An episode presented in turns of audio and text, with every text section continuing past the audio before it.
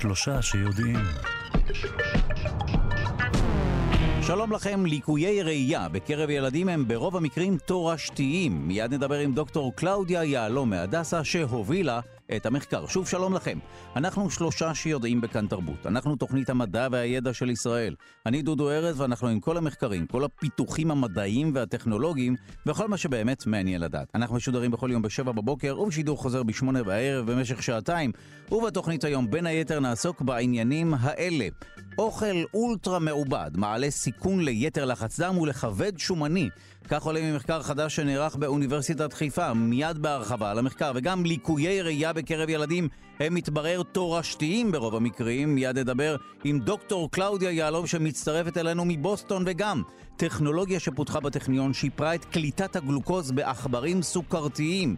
גם בכך נעסוק, וגם חוסכים במים גרסת הצמחים, מנגנון המסייע לצמחים לחסוך בצריכת מים, התגלה על ידי חוקרים בין היתר מישראל, מיד, וגם בני האדם חמדו את השנהב, אז הפילות נולדו ללא חטים.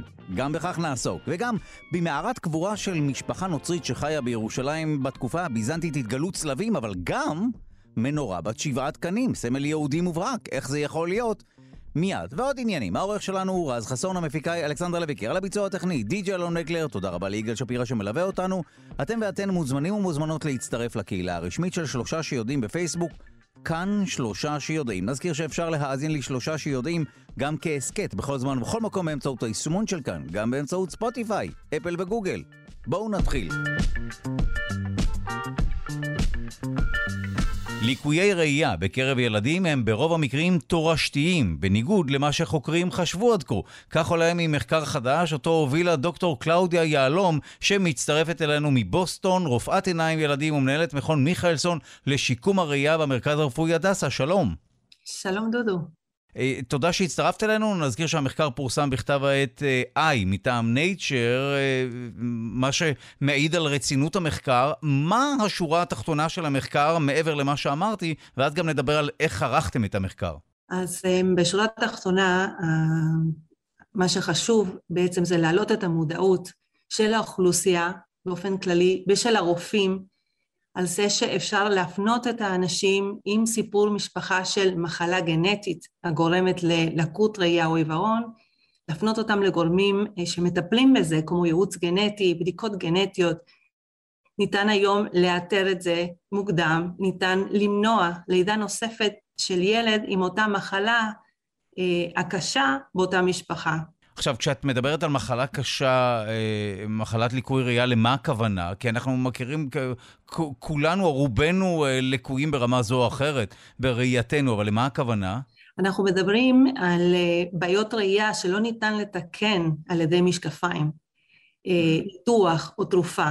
זה בעצם מחלות שגורמות לכך שממש לא רואים טוב, למשל אם אנחנו מדברים על ילדים, כי המחקר הזה בעצם ערכנו אותם אצל ילדים עד גיל 18, זה ילדים שלא ממש רואים את הלוח, אז uh, מאוד קשה ללמוד, לא יכולים לקרוא, צריכים להתקרב מאוד כדי לזהות אותיות, הם uh, משתמשים בעזרים מיוחדים כדי להגיע למצב שהם מבינים מה הם רואים.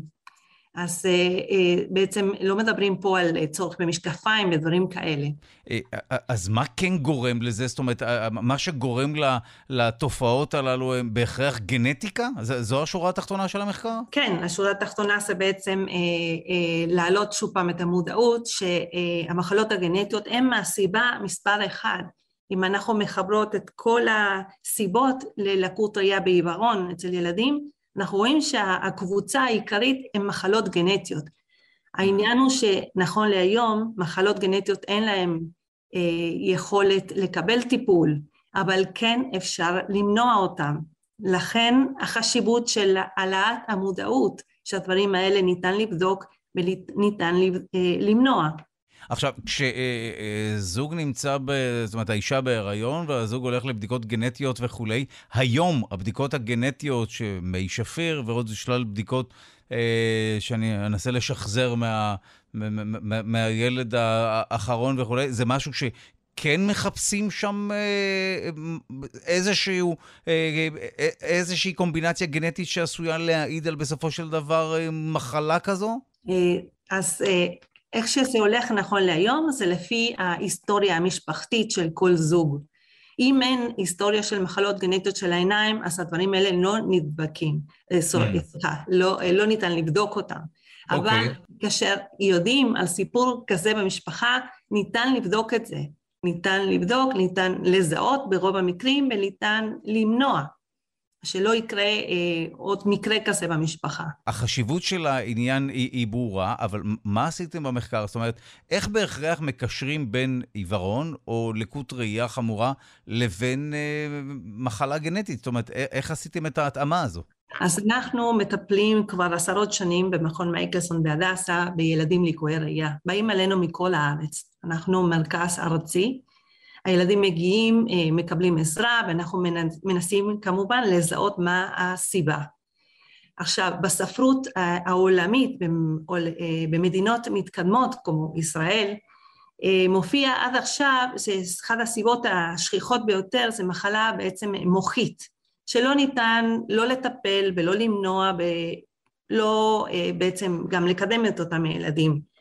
לכן אמ, עד עכשיו הבדיקה של הסיבות נעשה בעצם אה, פרטני לפי שם, אה, בוא נגיד שם פרטי של כל מחלה.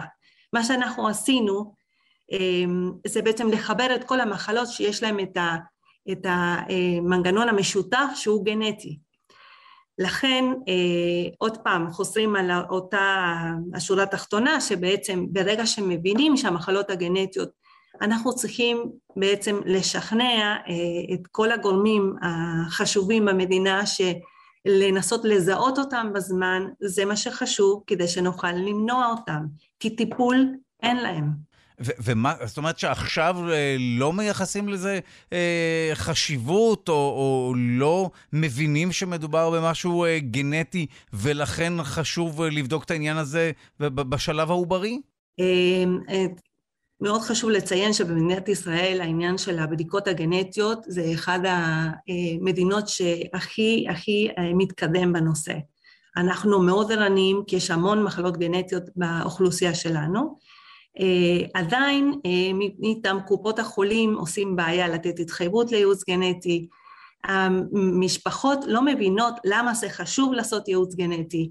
באותם רופאים, למשל אה, רופאים גינקולוגים שמטפלים באישה בהיריון, הרבה פעמים אה, הן מגיעות עלינו ואומרות לנו, אבל אני אמרתי לרופא אה, גינקולוג, גינקולוג שלי שיש לי בעיה כזאת של עיניים במשפחה, והוא אמר לי שלא ניתן לבדוק את זה.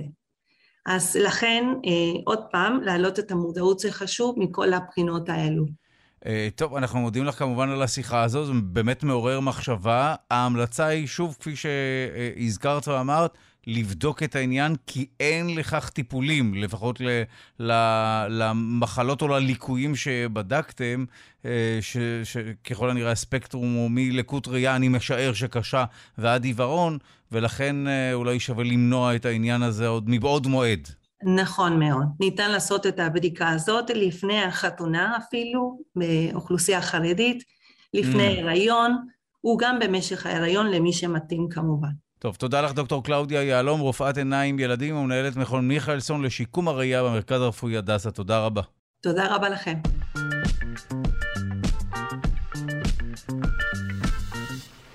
חוסכים במים, גרסת הצמחים, מנגנון המסייע לצמחים לחסוך בצריכת מים, התגלה על ידי uh, צוות חוקרים בינלאומי במחקר שערך שש שנים, ובו השתתפו גם חוקרים מאוניברסיטת תל אביב וממכון ויצמן, משוויץ, מגרמניה, מארצות הברית ומדנמרק. המאמר פורסם בכתב העת Science Advances. אנחנו שמחים לומר שלום למי שהשתתף במחקר, פרופסור אילון שני, מבית הספר למדעי הצמח ואבטחת מזון בפקולטה למדעי החיים, אוניברסיטת תל אביב. שלום. שלום, שלום רב דודו, שלום רב למאזינים. אנחנו נשמח ללמוד על המנגנון המאוד מורכב הזה, מנגנון לא פשוט. תודה. אמ, חשבתי לספר לך קודם כל למה אנחנו רוצים, למה חשוב לנו לחקור צמחים, אני מרגיש שהרבה פעמים אנשים לא לגמרי מבינים מה, למה העיסוק הזה, למה, למה אנחנו משוגעים לדבר? תשמע, בדרך כלל אנחנו שואלים על המחקר עצמו, ואז אני מנסה להביך את החוקר עם שאלה כזו שמנסה להשמיט את הקרקע מתחת למחקר. אבל אם רצית כבר לפתוח בזה, אתה מוזמן להתמודד עם השאלה הזו כמובן. למה לחקור את זה? או, אז, אז, אז אני אוהב להתחיל בזה כדי ישר ל, ל, לשים את האדמה מתחתנו. תשמע, אנשים לפעמים לא מודעים לזה, כמה הצמחים הם מרכזיים בחיים שלנו. דודו, קמת היום בבוקר, הדבר הראשון שעשית זה לקחת נשימה של אוויר, צמחים, אה, אכלת ארוחת בוקר, צמחים, אתה עכשיו יושב ליד שולחן עם אה, מעץ, זה גם היה פעם צמח, האוטו שלך מונע על ידי אנרגיה ישנה ומתחדשת, הכל הכל בעולם זה צמחים. האורגניזם שמכסה את רוב הביומאסה בעולם שלנו זה לא פטריות ולא בעלי חיים כמובן ולא חלקים, זה צמחים. אז חשוב, חשוב, חשוב. אתה צודק שאנחנו מתייחסים לצמחים כסוג של אה, תפאורה או תפאורה, כשהם אה, משהו הרבה יותר מהותי. גם בכדור הארץ, גם בהפיכת אנרגיית השמש לסוכר, והבסיס למזון. יש אפילו מחלה שהגדירו פלנט בליינדס, אנחנו לוקחים אותם כמובן נכון, בדיוק, זה נכון. נמשכים לדברים, לבעלי חיים, שהרבה יותר קל לנו להזדהות איתם. אז זה מה שמאכיל בסופו של דבר את האנושות, ועם האוכלוסייה שגדלה, ובשנים הבאות חשוב שגם במדינת ישראל, ובטח בעולם, נדאג לביטחון מזון. שכנעת אותנו שנכון לחקור את הצמחים, ואני משער שגם uh, הם טומנים באמתחתם הרבה מאוד טריקים uh, הישרדותיים שאפשר גם לגנוב מהם, או לפחות ללמוד מהם וכולי, כי הרי מדובר ביצורים הראשונים למעשה uh, שהיו, או לפחות הם הרבה יותר קדומים מאיתנו, אז בואו נדבר על המנגנון שהתגלה במחקר הזה. מצוין, אז אכן יצורים קדמונים ומאוד מאוד מתוחכמים. אז בואו נתחיל קצת ברקע. ידוע, אנחנו לא הראשונים, הרבה עבודה נעשתה לפנינו. אחד הדברים, המולקולות החשובות שהתגלו, שעולה בעקבות תגובה ליובש, שזה אחד המנגנונים החשובים בתגובה לסביבה, זה הורמון צמחי שנקרא ABA, abscisic acid. ידוע שהוא חשוב, ובכל הספרי ה textbooks יגידו, צמח השורש, הוא נע מהשורש לעלים, ומשפיע על הסגירה של הפיוניות. זה מין חורים קטנים בקצה העלה מחליפים גזים וחילוף גזים ומים ומאפשרים את הפוטוסינתזה שלנו. אבל איך זה קורה ואיך הם נעים, כל זה לא היה ידוע כלל לפני שהגענו, וזה היה מטרת המחקר, להבין איך התהליכים האלה קורים. אז בוא למד אותנו מה גיליתם, כי אה, מן הסתם המנגנון עצמו הוא זה, הוא הדבר שמרתק במחקר הזה, כן. נכון. אז השתמשנו בשיטה, בסדרה של כלים גנטיים שלצערי לא יהיה לי זמן להיכנס אליהם, בזה שאנחנו לא, בסריקות גנטיות שאנחנו לא פוגעים בגן אחד, מה שעד היום עשו אה, של אה, כלל החוקרים, אלא פיתחנו במשך הרבה מאוד שנים מערכת שזה יאפשר לנו לפגוע במספר גנים במשפחה. אז זה לקח כמה שנים, ועל זה אה, הקמנו את הסריקות ומצאנו באמת שני חלבונים, אנחנו נקרא להם, קוראים להם ABCG 17-18, אנחנו נקרא להם 17-18 בקיצור. ומה שמצאנו שהם מתבטאים בעלים דווקא, בתאים מאוד מאוד מסוימים שקוראים להם מזופיל, שהם עושים את הפוטוסינתזה. וכשהם חלבונים שיושבים על הממברנה וכל תפקידם, טרנספורטרים, זה להכניס את ההורמון ABA לתוך התא. וכשמכניסים אותו לתוך התא, שם הוא אגור במצב הלא פעיל, כי הוא נקשר לסוכר. אז למה זה חשוב? כי כשהם אוגרים אותו בפנים, ה-ABA, ההורמון הזה, לא מגיע ליעד שלו, לדוגמה, לפיוניות, הוא לא מגיע לפיוניות והוא לא סוגר אותם. אבל כשהצמח חש הכת יובש מסוימת, הוא מוריד את הביטוי או את הפעילות נקרא לזה של החלבונים האלה, ההורמון ABA לא נאגר בתאים האלה, הוא חופשי לנוע לפיוניות, ואז הפיוניות אה, אה, ייסגרו, וזה אחד המנגנונים החשובים של התגובה ליובש. וואו, כל הסיפור, ככה המנגנון הזה עובד. זה המנגנון שמצאנו, והחלק השני של המאמר דן בדיוק אותם השני החלבונים משפיעים על התנועה ארוכת הטווח. אם תיזכר בתחילת השיחה, אמרתי לך שבכל ספרי הלימוד, ABA נוצר בשורש וינוע לעלים לסגור פיוניות, ומה שאנחנו מראים שזה לא אומר שלא נכון, אבל תנועה הפוכה בעצם מתרחשת בנוסף. כי כש-ABA לא נאגר שם בתנאים של יובש, כי הוא משתחרר בגלל שהחלבונים האלה לא פועלים, הביטוי שלהם יורד, ABA מגיע מהעלים לשורש, ושם הוא משפיע על היצירה של השורשים הצדדיים, שזו תכונה נורא נורא חשובה בהתמודדות של צמחים בתנאים המשתנים, בתנאי הכת יובש. עכשיו, המנגנון הזה, או הטכנולוגיה במרכאות הזו, זה משהו שמאפיין צמחים מסוימים, או שזה נכון לכל הצמחים? שמבצעים לפחות פוטוסינתזה. אנחנו את העבודה עד כה עשינו על זה אה, צמח מודל, אה, כמו שלבני אדם יש את העכבר אה, שהוא המודל של, של, של היונקים. אנחנו עשינו את זה צמח שנקרא רבידופסיס, הוא ממשפחת המצליבים. כמה המנגנון הזה שמור, זו שאלה שצריך לבדוק. אכן עשינו עכשיו חלק מהעבודה הזאת גם בעגבניה, ואנחנו רואים שיש דברים שמורים, אבל יש גם קצת הבדלים, וזה באמת מעניין, אנחנו עוברים לאורז ועושים את זה בעוד אורגניזם. טוב, אני חושב שגם מי שלא ממש אה, הבין אה, את כל הפעולה של המנגנון עצמו, לפחות האימפקט של השיחה הזו זה לפחות אה, לעורר אותנו. אני מקווה שאנשים יהיו קצת חולים פחות ב plant blindness ויבינו את החשיבות בדיוק. של המחקר העצום של מחקר בצמחים ולחשיבות שלו לעתיד ה... לכך התכוונתי. תודה רבה לך, פרופ' אילון שני, מבית הספר למדעי הצמח והבטחת המזון בפקולטה למדעי החיים באוניברסיטת תל אביב. תודה. תודה לך ולמאזינים.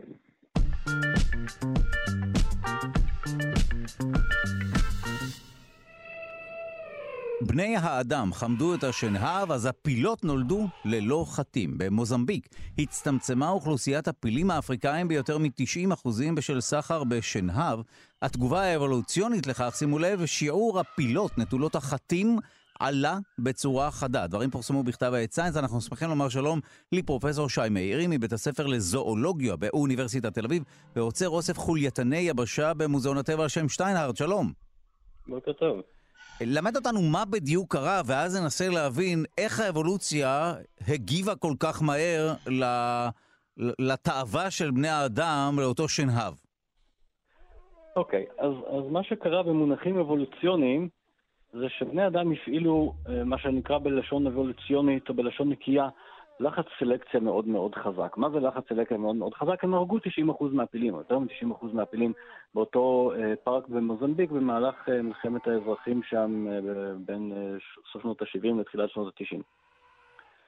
עכשיו, הם הרגו אותם בשביל השנהב. פיל בלי שנהב לא טוב להם. אה, אז פילים בלי שנהב מדי פעם ניצלו מגורלם, או פילות בלי שנהב למעשה, אה, ניצלו מגורלם של אה, אחיותיהן ואחיהן מרובי השנהבים. ומה שקרה זה שאותן פילות ללא שנהב הורישו את התכונה הזו לחלק מהבנות שלהם, למעשה לחצי. יש פה סיפור מעניין על הגנטיקה של ה...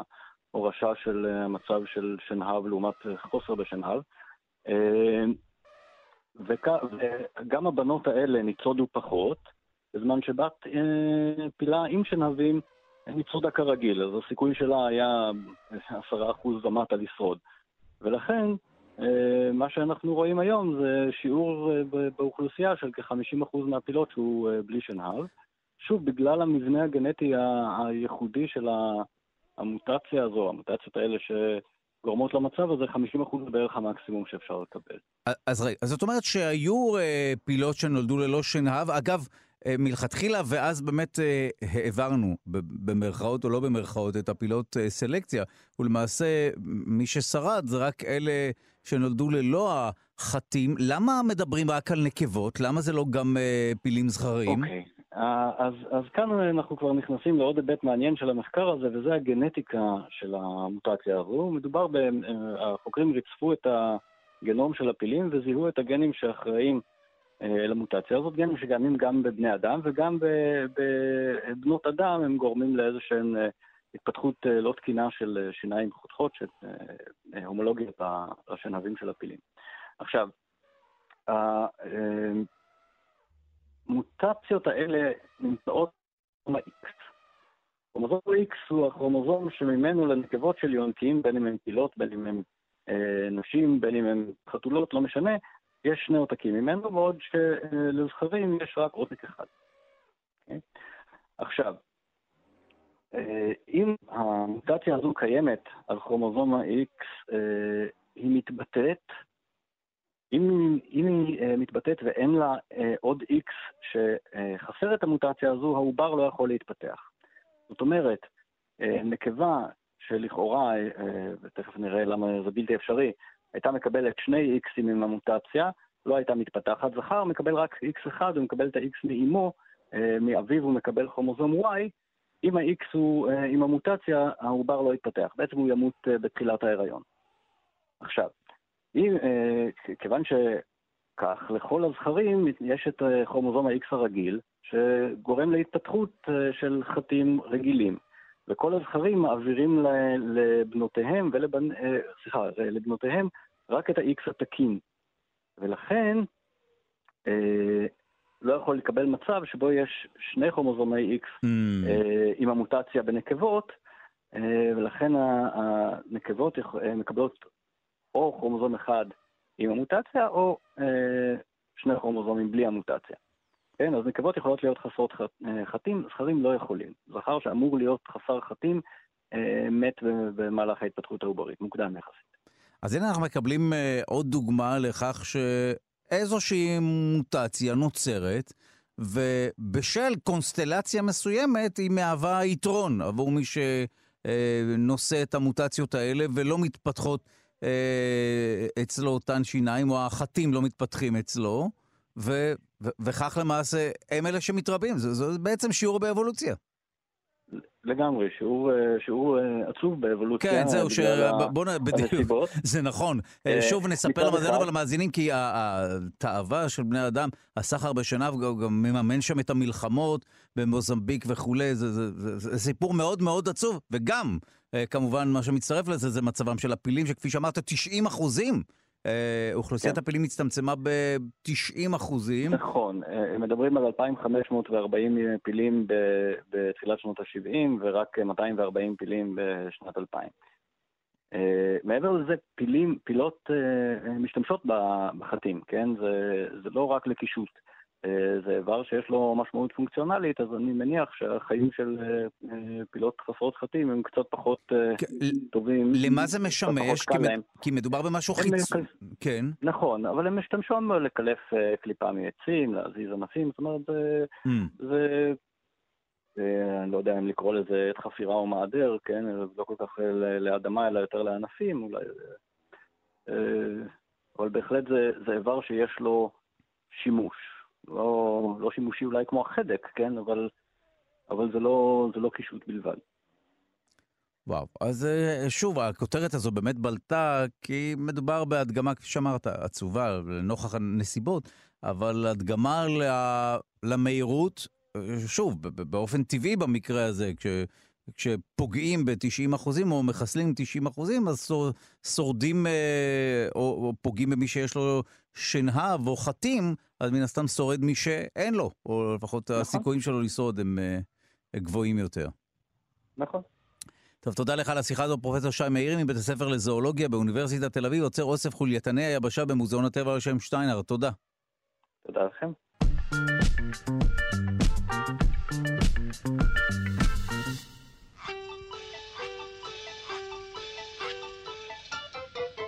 בחשבון זה נכון, אפשר לרפרף בחשבון זה נכון, אי אפשר לצפצף.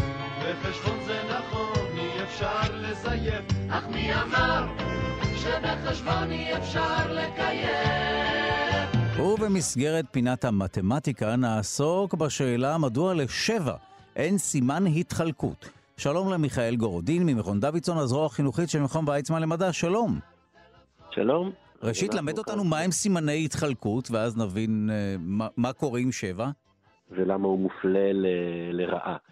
אז סימני התחלקות זו דרך מהירה לענות על השאלה האם מספר א' מתחלק במספר ב'. או נעשה הדגמה אה, זריזה.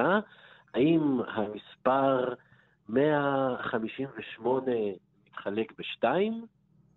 ודאי. כן? ודאי, למה ודאי? איך ידעת את זה? מה, עשית את התרגיל? אה, השתיים רמז לי, מה יכול להיות?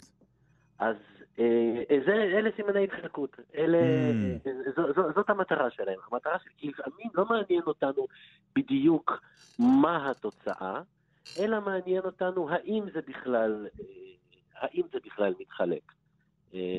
אולי את החישוב המדויק של כמה זה יוצא נעשה אחר כך, אולי אנחנו בכלל לא, אולי זה לא מעניין אותנו אפילו מה בדיוק יוצא.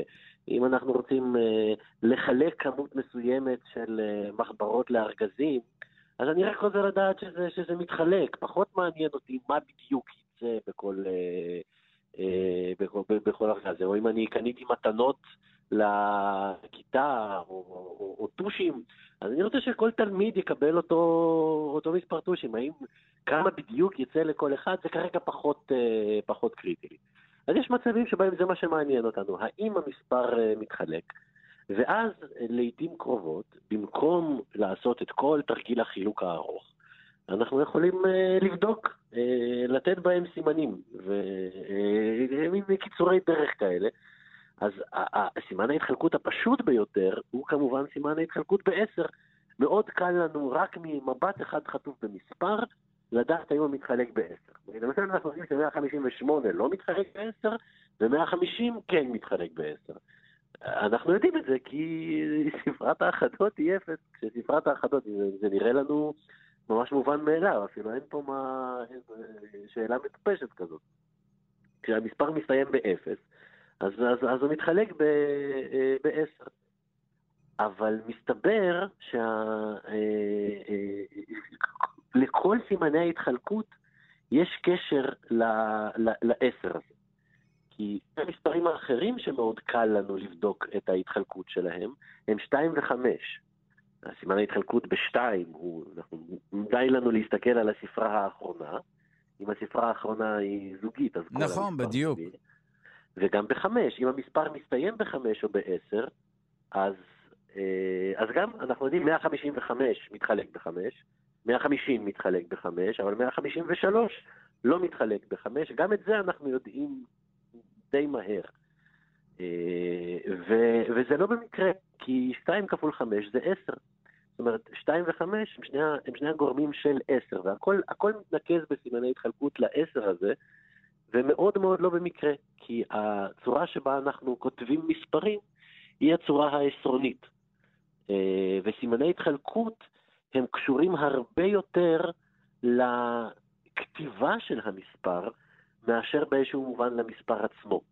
כי אנחנו מסתכלים על המספר הכתוב, והוא כתוב בצורה העשרונית. הרי אם היו לנו ספרות, האם, אם היינו עדיין עובדים עם ספרות רומיות, אז כל המערכת הזאת לא הייתה עובדת, לא הייתה לנו יותר ספרת אחדות.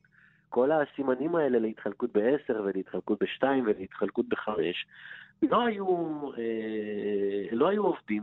כי כל צורת הכתיבה הייתה זו, אחרת לחלוטין. זו שאלה טובה, מה היה קורה לנו, מה היה משתנה בחיינו אה, אם לא היינו פועלים בבסיס 10 בשיטה העשרונית וכולי? מעניין. יש, אה, היו כמה ניסיונות מאוד לא מוצלחים לנסות לשכנע את האנושות לעבור למשל לבסיס 12, כי שם הכל אה, מתחלק הרבה יותר יפה. ויש אה, לנו חלקים בחיים שבהם אנחנו לא באמת סופרים בבסיס 10. נכון. שעון אה, קצת וכאלה, כן. שעון זאת הדוגמה. נכון. עוד, עוד דוגמה שמאוד, שבדרך כלל נותנים בהקשר הזה, זה מערכ, המערכת הכלכלית הבריטית. שהמטבעות שם וההמרות בין מטבע למטבע הם אה, אה, מאוד מאוד מורכבים, או מדידת המרחקים. הם לא מודדים במטרים וסנטימטרים ומילימטרים שכל דבר הוא פי עשר או פי מאה מהשני, אלא יש להם אה, פיטים ואינצ'ים ויארדים. ו... ו... וזה פי 12. אין גבול למה שאתה מוכן לקחת. על עצמך כדי להיות אה, שונה ואחר. גם המתמטיקה יכולה לשמש ל... אה, להדגיש את השונות נכון, שלך משאר האנושות. ממש. אה, ובאיזשהו אה, מובן כל סימני ההתחלקות הם, הם כאלה. אז אם לחזור לשאלה שפתחנו איתה, למה שבע מופלה לרעה? למה שבע הוא המספר החריג ב, בהקשר הזה? כי מאוד קשה, קודם כל זה לא שאין לו סימן התחלקות, יש לו, הוא פשוט לא יעיל לשום, לשום דבר. הוא... הוא, הוא כל כך מסובך, שכבר פשוט לחלק בשבע, לפעמים זה יותר נוח מאשר לבדוק את סימן ההתחלקות mm. המאוד מסובך בשבע. אה, איך, איך זה אה, במספרים אחרים? שלוש, תשע, אני מנסה להבין אם, אם הוא קשה... בדיוק. ב... אוקיי. אז כן, לשלוש יש לנו סימן התחלקות שקשור לסכום הספרות של המספר. לתשע יש לנו סימן, לארבע יש לנו, לשמונה יש לנו, ל-11 אפילו יש לנו. Mm, מעניין. ושבע, הוא לא מצליחים, מאוד קשה למצוא את הקשר שלו לעשר. אז למשל, ארבע, אין לו ממש קשר לעשר, אבל יש לו קשר למאה. מאה מתחלק בארבע, ולכן מספיק להסתכל על שתי הספרות האחרונות. כמו שבשתיים אנחנו מסתכלים על ספרת האחדות, בארבע מספיק להסתכל על שתי הספרות האחרונות. בתשע מסתכלים על סכום הספרות. ב-11 זה טיפונת אה, יותר מסובך, אבל גם לא, לא נורא, כי לכל המספרים האלה הם או, מתח... או ש-10 מתחלק בהם, או שהם קרובים, תשע הוא ממש קרוב לעשר, אחת עשרה הוא ממש קרוב לעשר, ומשתמשים בזה כדי uh, למצוא את ה... להנדס את סימן ההתחלקות בהתאם. ושבע, עשר לא מתחלק בו, הוא לא קרוב לעשר, אין... מאה לא מתחלק mm. בשבע, אלף לא, אה, אפילו שמונה, שהוא גם יחסית מסובך, אבל כבר אלף מתחלק בשמונה. אז אנחנו מנצלים, יכולים לנצל את העובדה הזאת. צריך למצוא איזשהו קשר לעשיריות. ושבע, כלום. שום דבר לא קושר אותו בצורה משמעותית לעשר, ולכן כשאנחנו כותבים את המספרים שלנו בבסיס עשר, הכתיבה הזאת היא, היא, היא כאילו היא לא קשורה לשביעיות. מה זה אומר להתחלק בשבע? זה אומר שאני רוצה איכשהו למצוא דרך מתוחכמת לחלק את המספר לשביעיות, ככה שאני לא אצטרך לבדוק את כולו. אבל כשאני כותב אותו בבסיס עשר, החלוקה לשביעיות היא, היא חמקמקה. לא קלק, נכון. ואגב, גם uh, הרבה פעמים אנחנו רואים את זה בלוח הכפל. הכפולות של שבע הן אולי המורכבות ביותר, והדברים האחרונים האחרונים האחרונים. אתה צודק, ש... נכון. שזוכרים, הן כפולות של שבע. וזה שוב בגלל שאנחנו אה, כותבים ומחברים ומכפילים ומחלקים בבסיס עשר. ואז כל דבר שיש לו איזשהו קשר לעשר, אנחנו אה, רואים אותו. ואכן שבע ושמונה הם המספרים במרכאות הכי לא קשורים לעשר, ואם, אה, אה, וכל מי שלמד את לוח הכפל, כמעט כולם נתקלים, הדבר האחר, המכפלה האחרונה, האחרונה, האחרונה, כשאנחנו כבר זוכרים הכל, המכפלה שעדיין מאתגרת ועוד לחלקנו אפילו גורמת להסס לשנייה. ממש, צריך פשוט ללמוד בעל פה, אתה צודק לגמרי. אז מה דעתך על פשוט הדרת או סילוק או גירוש הספרה שבע וסילוקה מחיינו? נדלג, אתה אומר משש נעבור ישר לשמונה. והנה, הרווחנו שיטה על בסיס אה, תשע, ולא עשרוני. אני חושב ש... אבל אז אכלנו אותה יותר. יש להקים ועדה שתבחן את המשמעויות, ולעולם לא תסיים את עבודתה, אולי. אה, נשמע כמו הרבה ועדות שאנחנו מכירים מחיי היום-יום, אה, שמפרנסות רבים. טוב, אז הנה באמת הבנו, אני חושב שענית פה על השאלה ה... המצוינת הזו, מדוע אנחנו מתקשים בכפולות, כשלומדים את לוח הכפל, בכפולות של שבע. אה, בהשוואה לכפולות, אה, אה, למשל, של חמש, שתיים וכולי. תודה לך על השיחה הזו, מיכאל גורודין ממכון דוידסון, הזרוע החינוכית של מכון ויצמן למדע. תודה. בשמחה.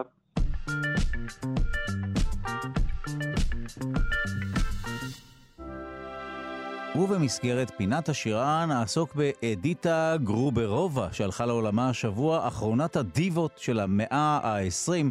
אנחנו שמחים לומר שלום לרונה ישראל, קולת, ווקולוגית ומורה לפיתוח קול במכללת לוינסקי לחינוך מוזיקלי. שלום. שלום דודו. טוב, אני לא בטוח שכולם מכירים אותה, אז גם, הנה, היא הלכה לעולמה, נכיר אותה עכשיו. מאוחר מדי, אבל נכיר. לפחות נשארו באמת ההקלטות, שזה לא, לא, לא מאוחר אף פעם אם ברגע שיש הקלטות.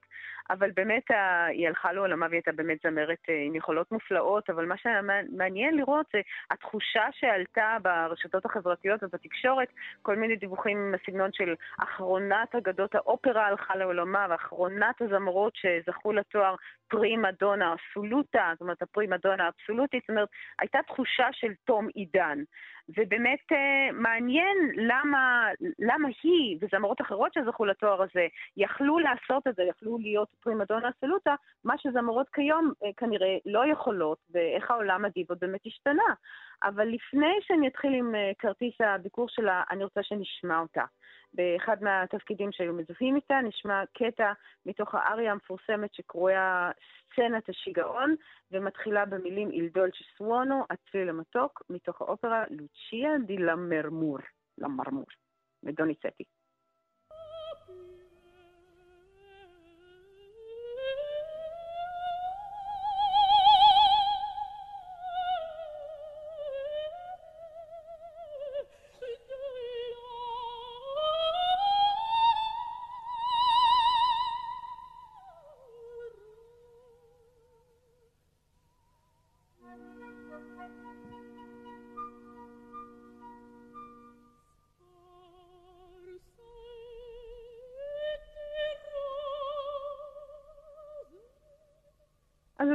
כואב באמת שאני צריכה לדבר על זה, אבל התפקיד הזה של לוצ'יה נחשב לאחד הווירטואוזים ביותר ברפרטואן של הסופרנה ליריה קולרטורה בלוצ'יה משתגעת בסוף האופרה אחרי שהיא רצחה בליל הכלולות את הבעל שהיא יעדו לה במקום זה שהיא אהבה, ואתה בטח מכיר את למרמור מתוך המערכון של לול, זה איזה סוג של... Uh, הפך להיות סימן לסימבול של uh, אופרת בלקנטו דרמטית, עם כל מה שמשתמע. ומה שחשוב אולי להבחין זה שדיברנו בזמנו על טכניקת הבלקנטו, וכאן אנחנו מזכירים אופרות של תקופת הבלקנטו, וצריך להבחין ביניהם, כי הטכניקה עצמה החלה לשרת זמרים בסוף המאה ה-16, וכאן אנחנו מדברים על המאה ה-19. זאת אומרת, אה, לא לבלבן בין הטכניקה לאופרות, למרות שאחת אפשרה את השנייה. אז כאמור, כאן שמענו באמת ביצוע יפהפה של גברת גוברוב השרה, דואט עם חליל שמצריך מופת של דיוק ושליטה ווקאלית. כן, נשמעת כמו כלי נגינה. גם מי שלא אוהב את הסוגה הזו, שאולי היא קלה, אה, קשה, סליחה, קצת לעיכול בהתחלה, כשקצת מתרגלים לדבר עצמו, מבינים את, אה, את יופיו של הדיוק, זה כבר נשמע באמת כלי נגינה. נכון, זה פשוט באמת, כמו שאתה, אני מסכימה לחלוטין שברגע שזה יפה, ברגע שזה מופת של דיוק ושליטה ווקאלית, והיא וואו, הצליחה זה... לשיר בגובה הזה, זאת אומרת שתי אוקטבות מעל דם מרכזי, היא לא, מעולם לא איבדה את היופי והמתיקות. כי זה לא חוכמה לצרוח את זה סתם. ברור שכל אחד, שלא חוכמה סתם להגיע לשם, צריך איך אתה מגיע. זה מופת של דיוק ושליטה ווקאלית. והיא שרה פיאניסימי, היא שרה את הצלילים הגבוהים, שקטים ואיכותיים. וואו, איך עושים את זה? בטכנית זה אותם. מדהים, וואו. זה, זה, זה לגמרי מדהים, וזה טכניקת הבלקנצ'ו שנקרא, זה נקרא מסה דיבוצ'ה, ומאז ומעולם זה נחשב לרף הגבוה ביותר של אמנות השירה האופראית, זה משאת הנפש של כל זמר, וכמו שאתה אומר, לא צריך לאהוב את זה כדי להבין כמה זה יפה. ממש. ממש. אבל מה שאני חושבת, הישג נוסף שלה, שהיא שרה אל תוך שנות ה-70 שלה, את אותו רפרטואר, מה שנקרא בז'רגון המקצועי תופח, לירי ודרמטי קולרטורה, היא הצליחה לשמור על היכולות שלה ועל האיכות הווקאלית לאורך כל הקריירה. ולמעשה היא פרשה רק בשנה שעברה, כשהיא 73, וגם רק בגלל הקורונה. עוד היו מתוכננות לקונצר... מתוכננים לקונצרטים, אבל אה, מה היו באמת התנאים שאפשרו לה... היו תנאים שאפשרו לה לעשות את זה. גם, בוא נגיד, נדבר על זה, אבל בואו נשמע את התפקיד שהזניק אותה לתהילה ולהצלחה בינלאומית, זה מלכת הלילה, של, מתוך האופרה חליל הקסם של מוצר.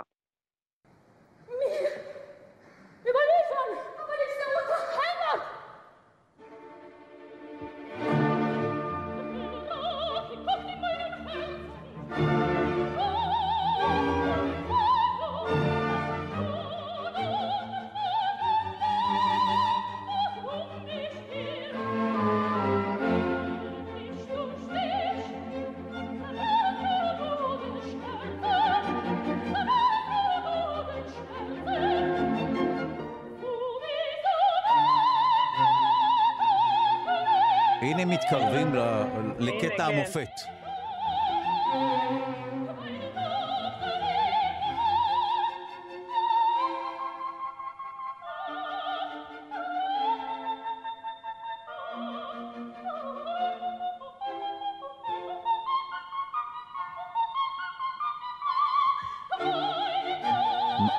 לא יכולה לראות זה שברגע אה, שהקטע המפורסם הזה נשמע, פתאום די.ג'יי מקלר ואלכס לוי, כולם התאפנטו פה באולפן. זה עושה משהו, אה, הקטע הזה?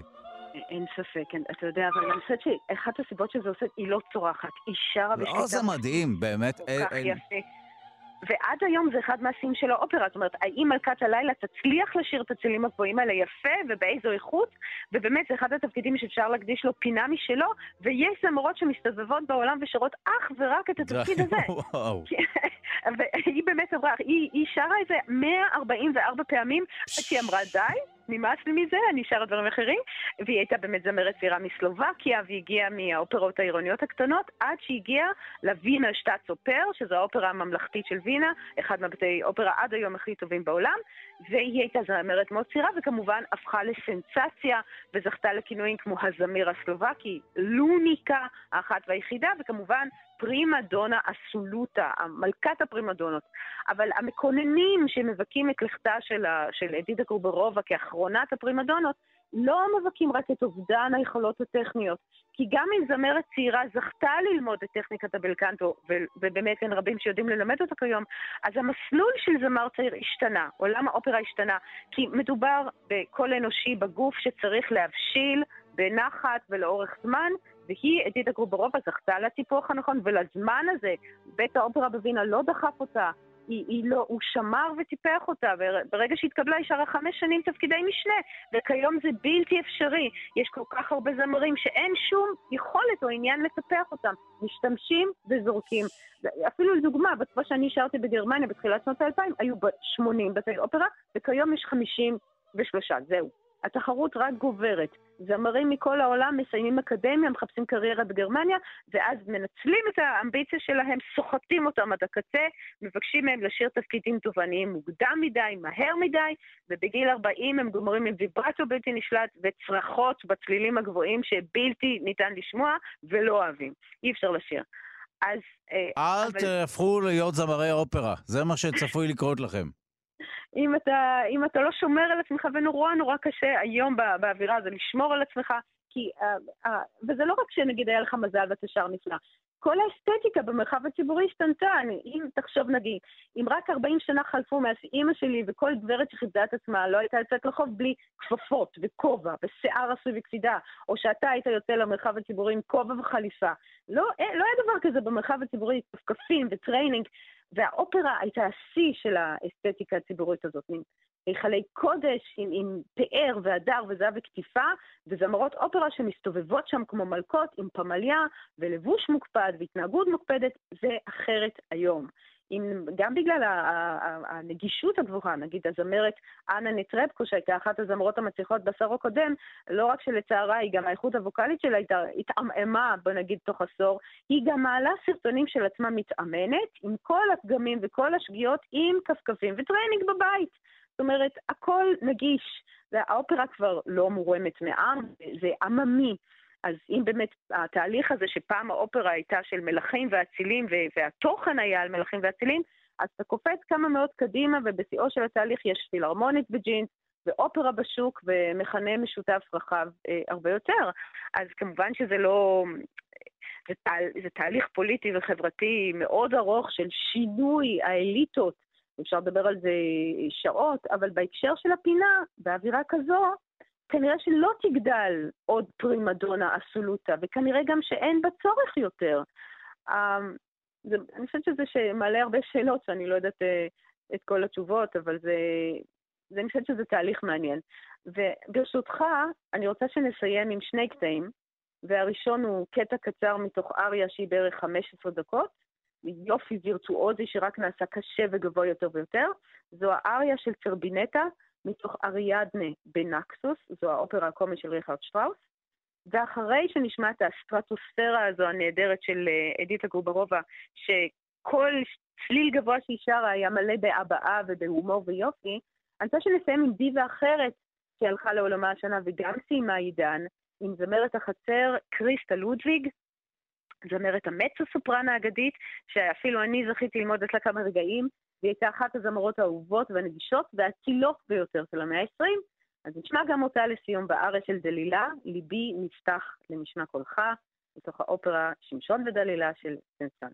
הנה שני הקטעים, כבר נודה לך, רונה ישראל קולט, ווקולוגית ומורה לפיתוח קול במכללת לוינסקי לחינוך מוזיקלי. תודה. תודה, תודה.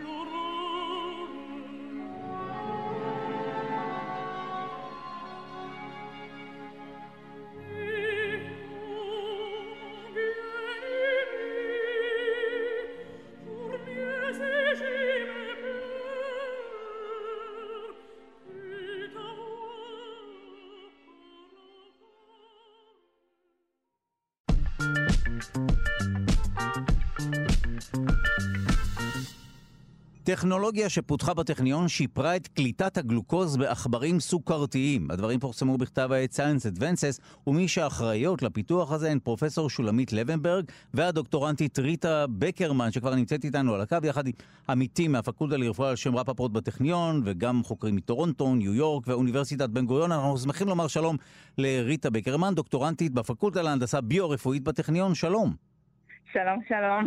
ראשית, למדי אותנו אה, מה זה אומר, למה צריך לשפר את קליטת הגלוקוז בסוכרתיים? מה הבעיה של סוכרתיים עם גלוקוז?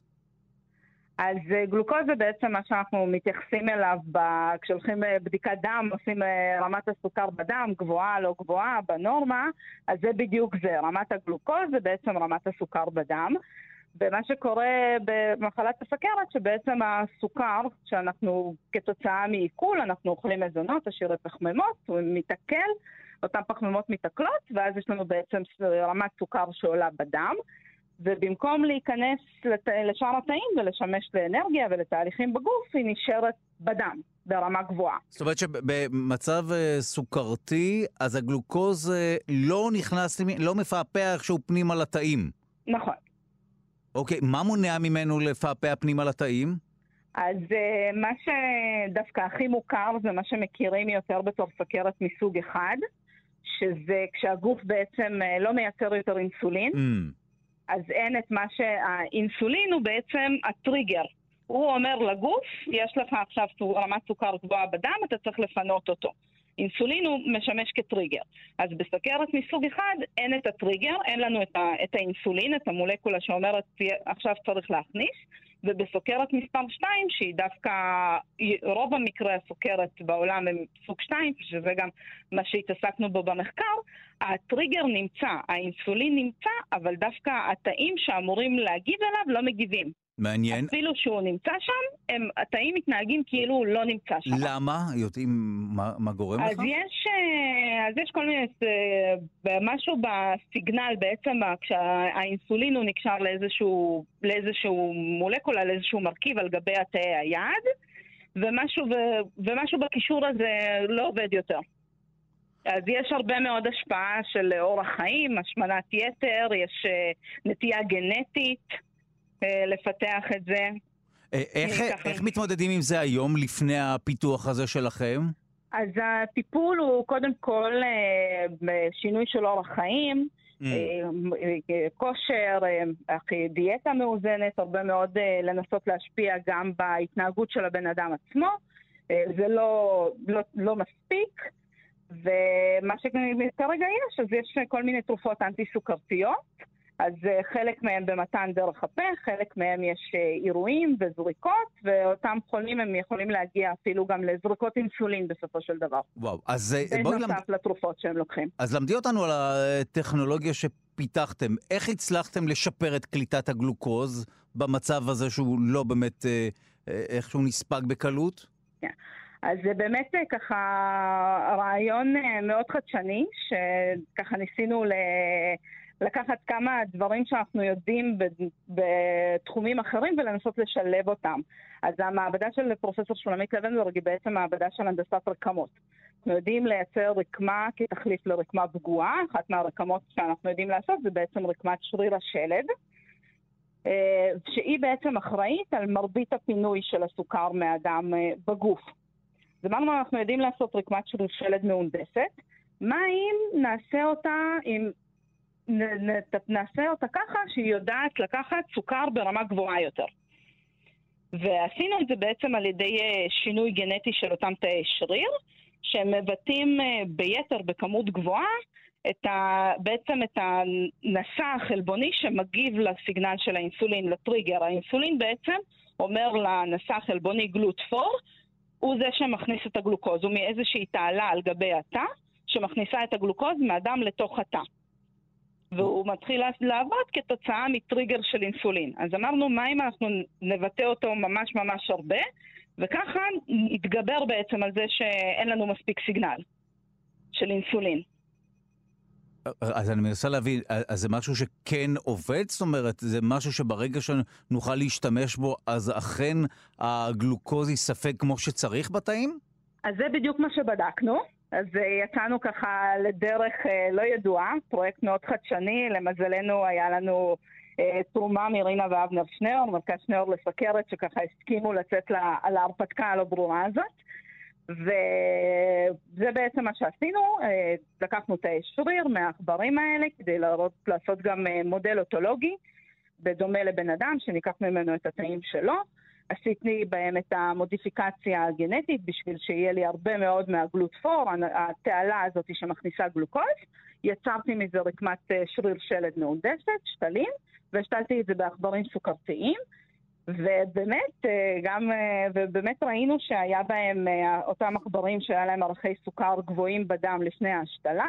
אחרי ההשתלה היה ירידה ברמות סוכר שלהם, והירידה הזאת נשמרה במשך כארבעה חודשים שעשינו את המעקב, שזה זמן ארוך ומאוד יפה ומאוד משמח בעכברים למעקב. וזה עובד. אז כן. וואו. אה, אז אה, אמ, נו, מה מונע מכן אה, להפוך את זה לטיפול שרבים יוכלו להיעזר בו? אז זה כמובן השלב הבא. אז כמובן, אז עכשיו אחרי שבאמת הראינו את האפשרות שבאמת משהו כזה של לקחת תאים מהחולה, לעשות להם את השינוי הזה ולהחזיר את זה בתור רקמת שריר, לראות אם יש השפעה על המצב של הסוכר בדם, אם זה עובד. אז עכשיו באמת ממשיכים לעבוד על זה, ולעבור קודם כל מתאים מתאים של עכבר, להתחיל לעבוד עם תאים אה, של בני אדם, לראות שהמערכת הזאת עובדת גם בתאים של בן אדם, וצריך, אה, כמובן אה, בדרך יש עוד הרבה מאוד ביקורות, עוד מודלים של חיות בשביל להגיע לקליניקה. אבל הפוטנציאל הוא גדול, ואנחנו מקווים שנמשיך להתקדם בקצב טוב. טוב, אה, אה, ושאלת השאלות, ברגע שהטכנולוגיה הזו אה, תהפוך להיות משהו שיסייע לנו, אז נוכל להתפרע בכל מה שקשור לאכילת אוכל מעובד, ואוכל לא בריא וכולי, ונפסיק עם הספורט. עדיין שלא. לא. עדיין רצוי שלא. האמת היא שלא, וזו נקודה חשובה. כן. אנחנו צריכים לעשות הכל כדי למנוע את המצבים האלה. בסופו של דבר, נכון. אם זה מתרחש, כן נכון כמובן להתמודד איתם, אבל בדיוק. אה, יש מה לעשות בכל מה שקשור למה שאנחנו מכניסים לפה, וגם אורח החיים הספורטיבי וכולי.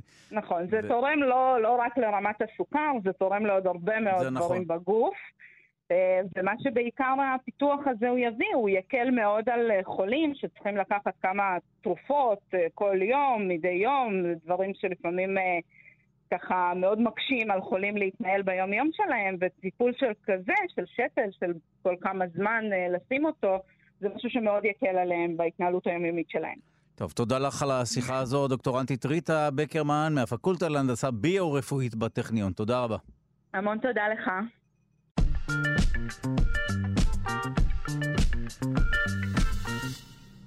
אוכל אולטרה מעובד מעלה סיכון ללחץ דם ולכבד שומני. כך עולה ממחקר חדש שנערך באוניברסיטת חיפה ופורסם בכתב העת Liver International. במחקרים קודמים נמצא כי צריכת מזון אולטרה מעובד קשורה לתמותה ולתחלואה כרונית. כעת הוחלט לחקור גם את הקשר בינה לבין רמות שומנים גבוהות וגם לנזק לכבד. את המחקר ערכו פרופסור שירה זלבר שגיא שכבר נמצאת איתנו על הקו יחד עם חוקרים אחרים מאוניברסיטת חיפה ומהמרכז הרפואי תל אביב ומאוניברסיטת וושינגטון. אנחנו שמחים לומר שלום לפרופסור שירה זלבר שגיא, ראש בית הספר לבריאות הציבור באוניברסיטת חיפה, חוקרת במרכז הרפואי תל אביב ומובילת המחקר. שלום. שלום, בוקר טוב. ראשית, מהו אוכל אולטרה מעובד? מה ההבדל בינו לבין מעובד? תעשי לנו סדר. קודם כל נבין. נכון, זו נקודה מאוד חשובה. צריך להבין שמזון אולטרה מעובד זה למעשה הקיצון של רמת העיבוד, כי הרי כולנו אוכלים אוכל מעובד כל הזמן, או למשל, אם אתה קונה עוף שעבר איזשהו תהליך של הכשרה ומכיל מלח, זה לא הופך אותו לאולטרה מעובד. מזון מעובד הוא חלק מהחיים של כולנו. מזון אולטרה מעובד לעומת זאת זה מזון שעבר תהליכים תעשייתיים מאוד מאוד אינטנסיביים. זאת אומרת, כשאני מבשל בבית, אני מעבד את המזון, הוא עובר עיבוד, אבל אנחנו כאן מדברים על כל מה שנמצא באריזות, ועובר עיבודי עיבודים אה, מאוד רחוק מהמקור.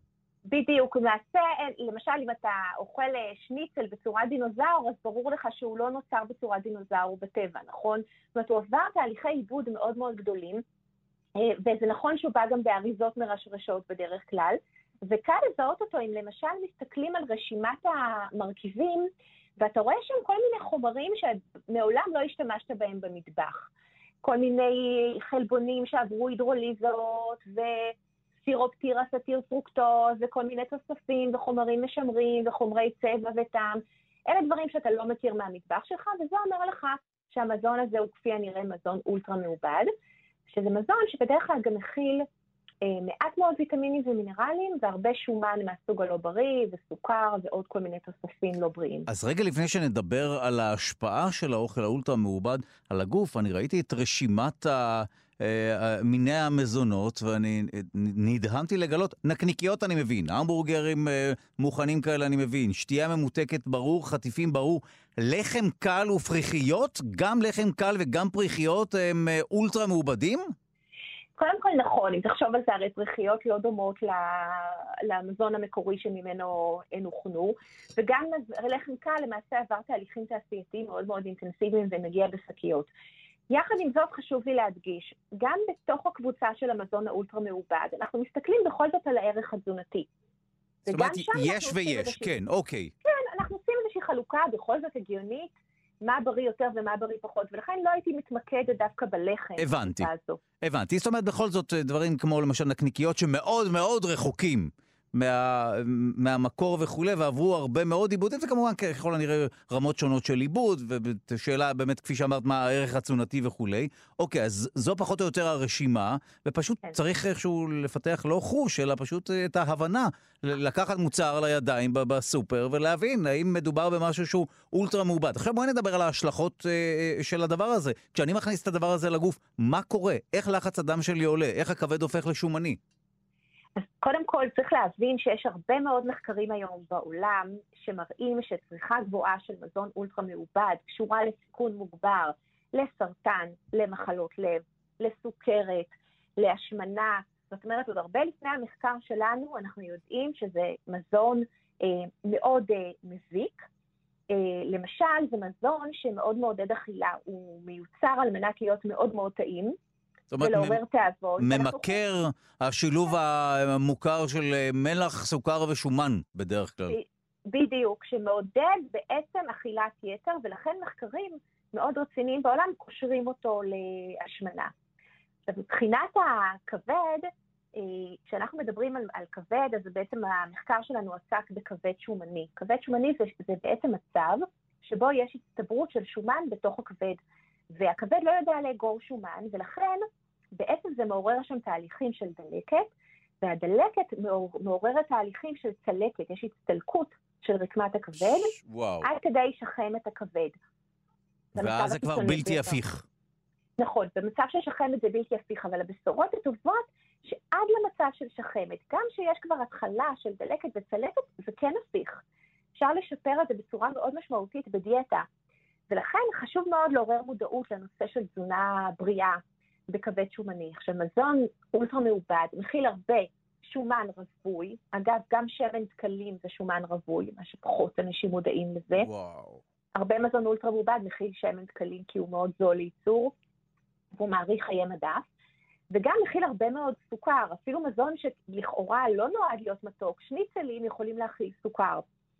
והשילוב הזה בעצם גורם לייצור והגירה מוגברת של שומן בתוך הכבד, וגם אנשים לא כל כך מודעים לזה, אבל אכילה של הרבה מאוד סוכר בדיאטה מעלה לחץ דם. זאת אומרת, זה לא רק הנתרן והמלח באוכל, גם אכילה מאוד גבוהה של סוכר גורמת לכל מיני תהליכים בגוף שבאופן עקיף גורמים לעליית לחץ דם. טוב, אה, אה, זה מדהים אותי שהדברים האלה נמכרים, שוב, אנשים מייצרים, מרוויחים הרבה מאוד כסף, ובסופו של דבר, אני מבין גם את הטיעונים של אנחנו מייצרים את המוצרים האלה, זה לא אומר שצריך לצרוך רק אותם, ואפשר לצרוך קצת וכולי. אבל בסופו של דבר, בשורה התחתונה, אה, לא רבים יודעים להבחין במה שהדבר הזה גורם להם, והרבה אנשים נופלים בפח ופוגעים בבריאות שלהם, לאחר שהם צורכים את המזון האולטרה מעובד הזה. נכון, ואתה יודע איזה אחוז מהקלוריות זה מהווה? במדינות שונות בעולם זה נע בין 40 ל-60 אחוז מהקלוריות היומיות. וואו, זה המון, וואו. ואתה יודע איפה זה הכי גבוה? בילדים ומתבגרים. נכון, זה הגיוני, כן? כי נו, מה תעשה? הם, זה מה שהם אוהבים לאכול, זה מושך אותם. זה מושך אותם, זה מזון שמיועד למשוך. הוא מושך גם מבחינת וואו. המראה שלו, גם מבחינת הזמינות, גם מבחינת הטעם.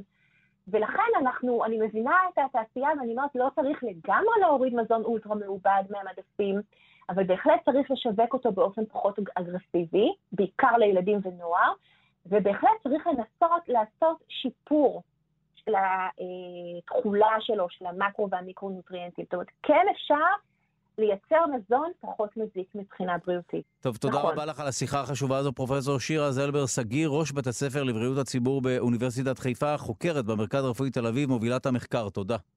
תודה לך.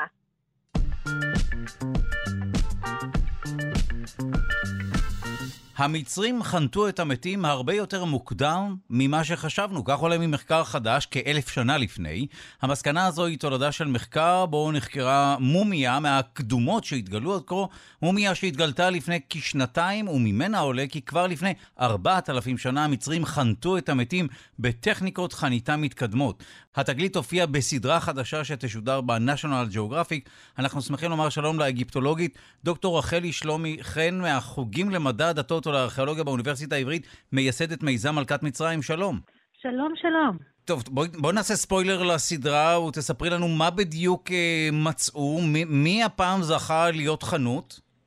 אוקיי, אז אנחנו לא יכולים לעשות ספוילר לסדרה כי הם לא מגלים, אבל ממה שאני הצלחתי לקרוא מסביב, אז uh, מדובר באמת בקבר מהשושלת החמישית uh, במצרים, שזה בערך המאה ה-23 לפני הספירה, לפני כ-4,300 שנה, 4,200 שנה. בקבר הזה נמצאה מומיה.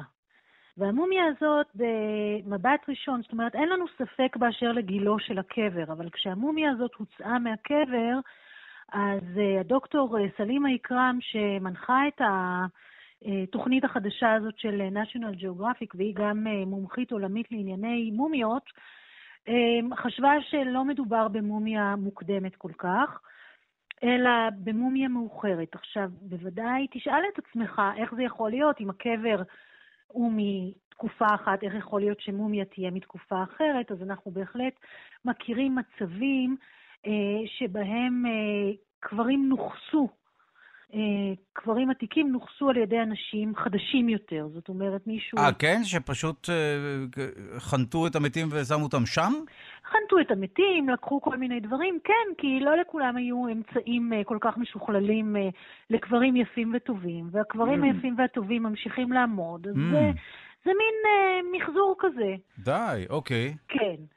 עכשיו, בינתיים נעשו כל מיני בדיקות על המומיה, והתברר באמת שזו מומיה מאיכות מאוד מאוד טובה, אה, ושהיא כנראה באמת אה, מומיה של הבעלים, אבל עדיין אה, של בעל, הבעלים של הקבר, הבעלים המקוריים של הקבר, אבל עדיין לא לגמרי לגמרי בטוחים. אה, והתשובה אולי תינתן במהלך הסדרה, אבל הם לא נתנו אותה בכתבות שהם אה, שחררו. אז אולי אה, נדבר באופן כללי על חניתה. מי זכה להיות חנות? כל המתים או שרק העשירים? תראה, כולם רצו להיות חנותים, וכולם רצו לשמר את הגוף. אבל באמת, גם בתקופות מוקדמות יותר, וגם לאורך ההיסטוריה, לא כולם היו יכולים להרשות לעצמם, ובתקופות מוקדמות גם לא כל כך uh, תמיד ידעו איך לשמר בצורה טובה את הגוף.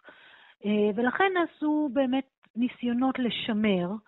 Uh, אנחנו יודעים שהשתמשו במלחים אפילו מאזור ים המלח. אה, כדי לייבש את הגוף. אה, שוב, אם המומיה הזאת באמת היא בת הגיל שחושבים שהיא, זאת אומרת בת 4,200 שנה בערך, אז אנחנו רואים שהם מתחילים כבר בשלב הזה להוציא את האיברים הפנימיים, מוציאים את האיברים הפנימיים, את הרקמות הרכות, על מנת אה, למנוע ריקבון. אז מה בעצם נשאר? רק העור עצמו? ממש שכבה חיצונית? Uh, נשאר הלב, מה שעושים עם הלב זה חונטים אותו ומחזירים אותו חזרה לבית החזה, כיוון שאת הלב צריך אחר כך למשפט המתים, את הלב שוקלים ועושים איתו כל מיני דברים במשפט המתים, ולכן את הלב חונטים לחוד ומחזירים לבית החזה, אבל כן מוציאים את כל uh, תכולת הבטן, מוציאים את המוח, uh, משאירים... Uh, בתוך חלל הבטן לפעמים אנחנו יודעים שממלאים בכל מיני אה, חומרים ריחניים, כל מיני פוטפורי כזה, שככה יטשטש קצת את הריחות של המוות. אה, מייבשים את הגופה, זאת אומרת, אה, מייבשים במלחים אה, במשך תקופה ארוכה, עד שבאמת כמעט לא נשאר שום דבר. ממלאים את הפנים, שוב, בכל מיני חומרים כדי mm. לשוות מראה טבעי וחי לפנים, ואז הרבה פעמים משתמשים בשרף של עצים על מנת לשמר את האור. וכורכים את, ה, את הגופה בפשתן, בפשתן אה, מאיכות מצוינת.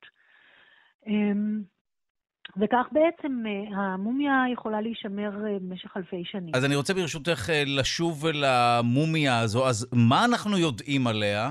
אנחנו יודעים עליה שהיא נחנתה בצורה מאוד מתקדמת. זאת אומרת ש... אה, הוציאו למשל את המוח, דבר שהיה אופייני לתקופות, אה, עד עכשיו חשבנו שהוא אופייני לתקופות אה, מאוחרות יותר, שהיה שימוש נרחב בשרף של עצים שמשמר היטב את המומיה, שהשתמשו בהרבה מאוד, שהפשתן היה ברמה מאוד גבוהה, שהכריכה עצמה הייתה בטכניקה שהיא מאוד טובה, שכל החומרים שאנחנו רואים שם, חומרי החניתה, הם חומרים שלא בהכרח מצויים במצרים, ולכן גם מעידים על יחסי מסחר מאוד נרחבים עם אה, חלקים אה, ככה נרחבים בעולם של אותה תקופה, חלקים שלא ידענו שמצרים הייתה קשורה איתם בתקופות קדומות כמו המאה ה-23 לפני הספירה. וזה באמת, אם אכן מדובר במומיה של אה, בעל הקבר, זה, אמ, זה בעצם נותן לנו אה, אה, נתונים חדשים לגמרי ותובנות חדשות לגבי הביצוע והרמה והקשרים הבינלאומיים שהיו למצרים באותה תקופה. בסופו של דבר, אז מה אנחנו יודעים היום לאחר המחקר הזה? מתי המצרים ידעו כבר לחנות את המתים בטכניקות הללו? תראה, הם ידעו בערך אה, בסביבות אלף לפני הספירה, זה מה שאנחנו ידענו עד היום. אם אכן המומיה הזאת היא מומיה עתיקה כל כך כמו שחושבים, אז זה אומר שאנחנו שוב מדברים על אה, הקדמה של כל הדבר הזה בכאלף שנים. זאת אומרת, וואו. מה שחשבנו, כן, זה באמת מאוד מאוד משמעותי. זאת אומרת, עד עכשיו המומיות שנמצאו אה, מהתקופות האלה היו מומיות שרמת השימור של הגופה אה, הייתה די בסיסית, זאת אומרת, בעיקר דאגו אה, לתווי הפנים, בעיקר דאגו לחלק החיצוני שיראה בסדר, אבל השימור של הגוף עצמו לא היה ברמה כל כך טובה. ועכשיו פתאום באה המומיה הזאת, ובעצם, ובעצם מפרקת ו- ו- ומפריחה את כל מה שידענו על ההיסטוריה של החניתה, ואומרת לנו, סליחה, אנחנו, המצרים העתיקים, ידענו לחנות בצורה מצוינת, אה, הרבה לפני מה שאתם חשבתם, וזה באמת מפתיע מאוד. וואו, טוב, תודה לך על השיחה הזו, האגיפטולוגית. דוקטור רחלי שלומי חן מהחוגים למדע הדתות ולארכיאולוגיה באוניברסיטה העברית, מייסדת מיזם מלכת מצרים. תודה. תודה רבה, להתראות.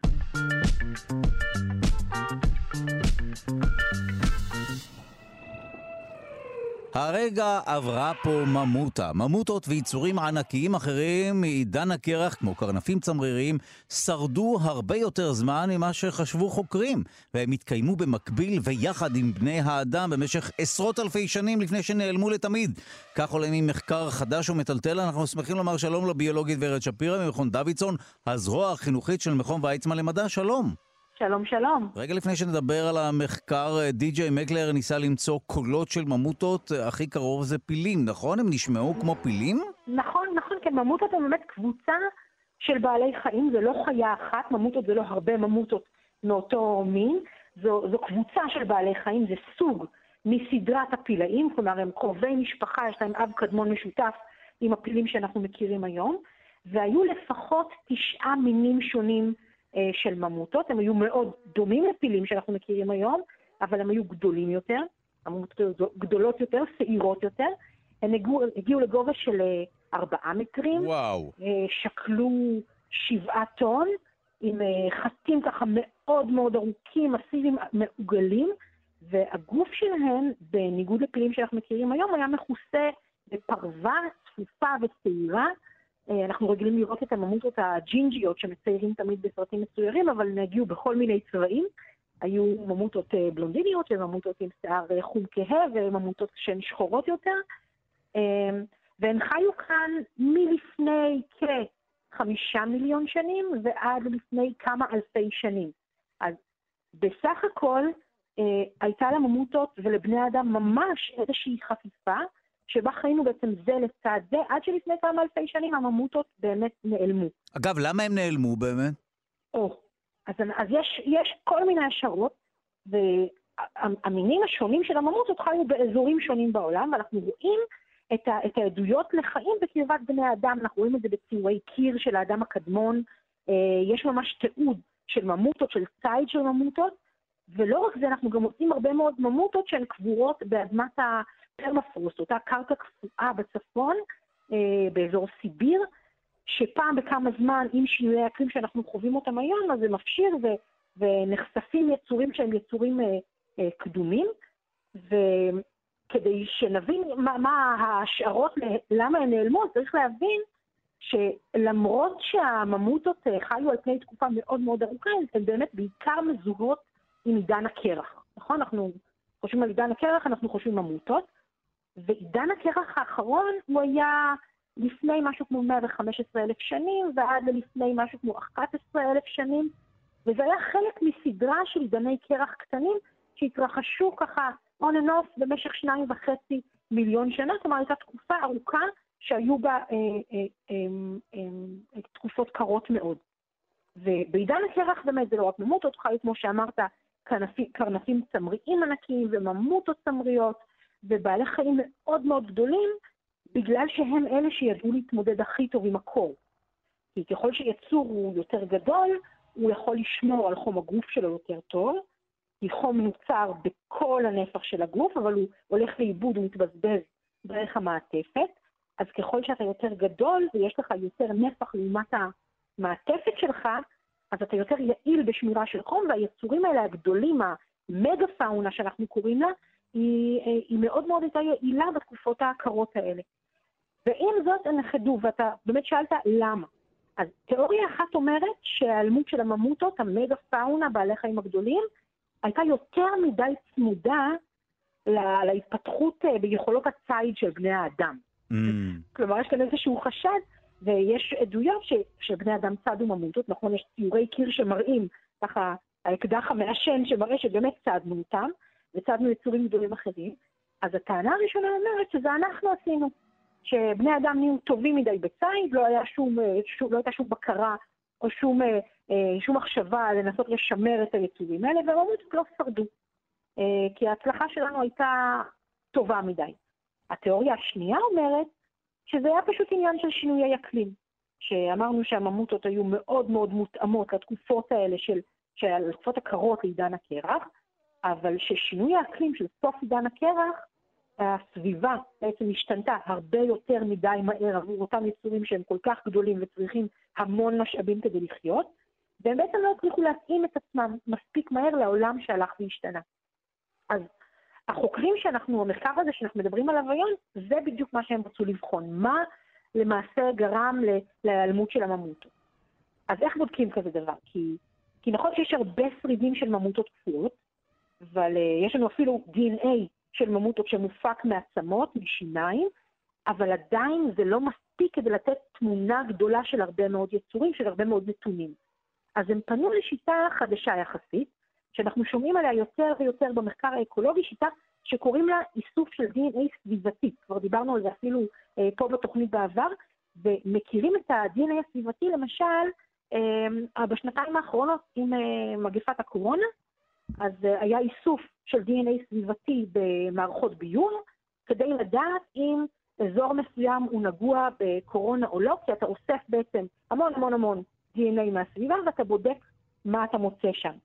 עכשיו, אמ, ה-DNA העתיק בדרך כלל שאנחנו מקבלים משיניים ומעצמות, הוא DNA עתיק והוא נשמר ברגע שהוא קפוא בתוך הפרמפרוט, והכי עתיק שמצאנו בממות הזה מלפני מיליון שנה, אבל חוץ מה-DNA הזה ששמור בתוך הגוף, בתוך העצמות, לכל בעל חיים יש אולי רק שלד אחד, אבל יש הרבה מאוד שאריות שאנחנו ככה משירים לסביבה, כי כשיצור קק קיים בסביבה הוא משיר שיער, אה, תאי עור אולי נושרים ממנו, הוא עושה פיפי, הוא עושה קקי, הוא מדמם לפעמים, וכל השאריות האלה מכילות DNA. זה חומר תורשתי שנמצא עכשיו בסביבה ונשמר באדמה הקפואה, וכל תא בודד מכיל למעשה את כל החומר התורשתי של היצור הזה. אז מה שהם עשו, הם במשך עשר שנים, הם אספו אה, 535 דוגמאות קרקע, אה, מאזורים שונים שמצאו בהם בעבר שרידים של ממוטות, מנהרות, מאגמים קפואים בסיביר, מאלסקה, מסקנדינביה, מקנדה, ב-73 אתרים שונים שבהם מצאו בעבר ממוטות, והם לקחו דוגמאות הקרקע האלה שמצוערכות לעד לפני 50 אלף שנים, ועשו בדיקות של כל החומר התורשתי שנמצא בדוגמאות הקרקע האלה. ומה המסקנה שהם הגיעו אליה בעקבות המיפוי הזה? אז במיפוי הם בדקו קודם כל יונקים גדולים, והם בדקו צמחים. והם רצו לראות האם יש איזושהי התאמה בין ה-DNA שהם מוצאים של ממוטות לבין מה שהם מוצאים של הצמחייה למשל. כי אם מדברים כאן על שינוי אקלימי, אז אנחנו נראה שינוי מאוד מאוד מסיבי בצמחייה. עכשיו, הדבר הכי גדול שהם מצאו זה שלמעשה ממוטות לא נכחדו כל כך מזמן כמו שחשבנו פעם, וממוטות חיו ב- ממש ביבשת בסיביר אה, עד לפני 3,900 שנים. זה, זה, זה, אנושיים זה ממש אה, ימים כמעט, אה, אפשר להגיד, מודרניים. הפירמידות של גיזה כבר עומדות, הסטונהנג' באנגליה כבר עומד. יש לך ממש תרבות אנושית, כלומר זה לא האדמים הקדמונים שחיסלו אותם הרבה קודם, אלא באמת אנחנו רואים את הממוטות ממש ביבשת בסיביר לפני 3,900 שנים. פעם חשבו שהן נעלמו לפני עשרת אלפים שנה ורק נשארו באזור קטן באיזה אי מבודד. הם מוצאים גם קרנפים צמריים, שזה עוד חיה ענקית, עד לפני 9,800 שנים, כשהתיארוך הקודם היה לפני 14,000 שנים, והם מוצאים שינוי באמת מאוד מאוד מסיבי בצמחייה שמשתנה. ו- וזה לא נשמע נורא נורא דרמטי, כי אוקיי, ממוטות חיו עוד כמה אלפי שנים, אבל למעשה זה לגמרי לגמרי משנה את הסיפור, ואם שתי השערות שלנו היו הכחדה על ידי ציד של בני אדם או שינוי אקלימי, אז הממצאים האלה לגמרי מצביעים על שינוי אקלימי. יש כאן חפיפה שהיא גבוהה מדי מבחינת זמן. אה, אוקיי, מעניין, בין, כן. בנוכחות של בני אדם לבין הממוטות.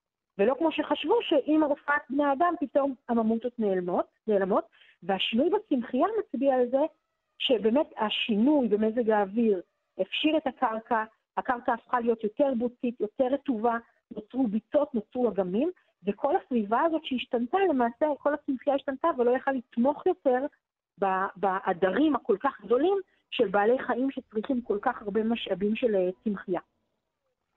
אז אנחנו לא אשמים. אז, אז מה שהם אומרים, צריך לעשות מחקר המשך כרגיל. האדם זכאי לגמרי, לא אנחנו אחראים לעובדה שהממוטות נכחדו. סוף סוף אנחנו לא אשמים במשהו. היינו יוצאים מחמת הספק, אבל דרוש כאן איזשהו מחקר נוסף שיבדוק עכשיו DNA אנושי סביבתי, אה, כדי לראות האם יש חפיפה בין בני האדם לממוטות באזורים האלה שאנחנו אומרים שבהם אנחנו לא אשמים. אבל זה בהחלט אה, צעד אחד קדימה לזיכוי שלנו. טיהור שמם של בני האדם בכל מה שקשור להכחדת הממוטות. תודה רבה לך, הביולוגית ורד שפירא ממכון דוידסון, הזרוע החינוכית של מכון ויצמן למדע. תודה. תודה לכם.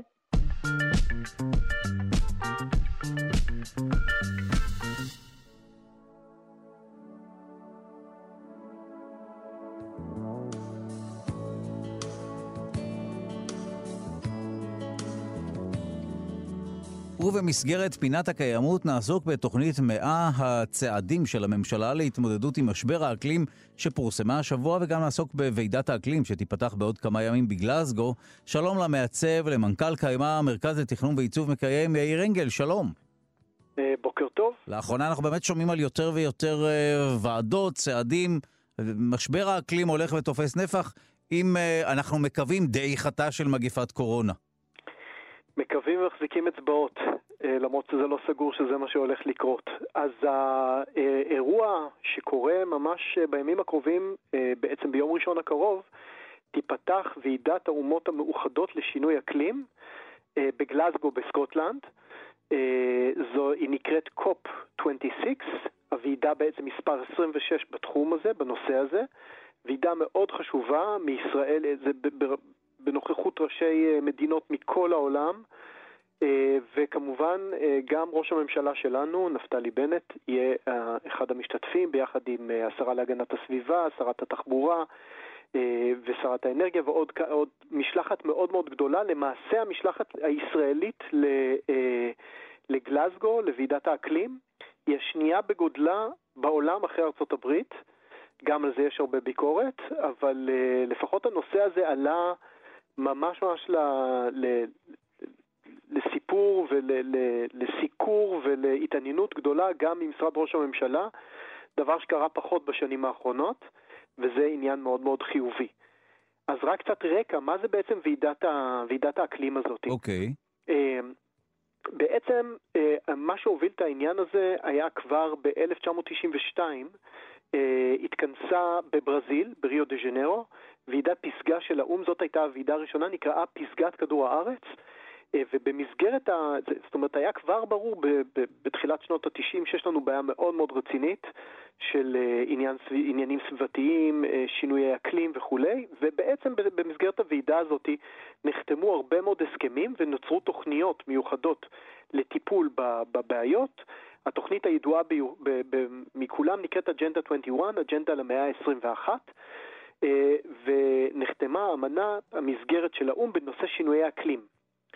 וזאת, האמנה הזאת היא מהווה את כל המסגרת להתכנסויות השנתיות האלה שקורות כל הזמן, ובשבוע הבא תהיה התכנסות מספר 26. עכשיו, אה, תהיינה מסקנות אופרטיביות של ההתכנסות הזאת? זאת אומרת, מה, מה מטרתה? בוודאי, בוודאי. קודם כל, יש כל מיני התכנסויות כאלה שהן מוכרות, חלק מהוועידות פחות מדברים עליהן. הוועידות הידועות היו ב-1997 בקיוטו, ביפן, שם גם היה, אה, בעצם נכתב פרוטוקול קיוטו, שהוא פרוטוקול מחייב. הייתה ועידה מאוד ידועה ב-2009 בקופנהגן בדנמרק, שם ניסו להגיע בעצם להסכם אה, אה, הסכם אקלים, ולא הצליחו. אבל לשמחתנו ב-2015 בפריז, ב COP 21, נחתמה, נחתם בעצם הסכם האקלים, הסכם פריז, שהוא בעצם קובע יעד לפליטות גזי החממה, אה, כך שהכוונה היא שהתחממות כדור הארץ לא תעלה מעבר לשתי מעלות צלזיוס בממוצע בהשוואה לטרום, לתקופה הטרום-תעשייתית.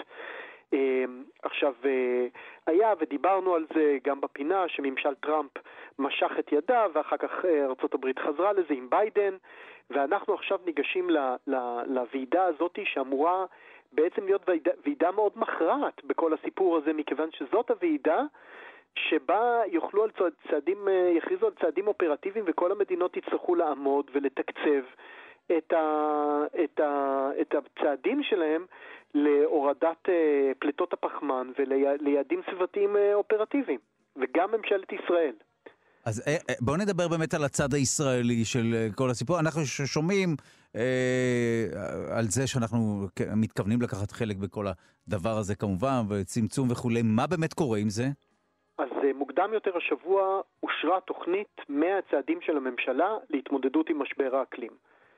בעצם התוכנית הזאת אושרה לאחר שהממשלה לא הצליחה להגיע להסכמות אה, סביב חוק אקלים, שזה היה הדבר הנכון לעשות. כאילו חוק אקלים אופרטיבי, הוא עם יעדים מאוד מאוד ברורים, הוא היה הדבר הנכון.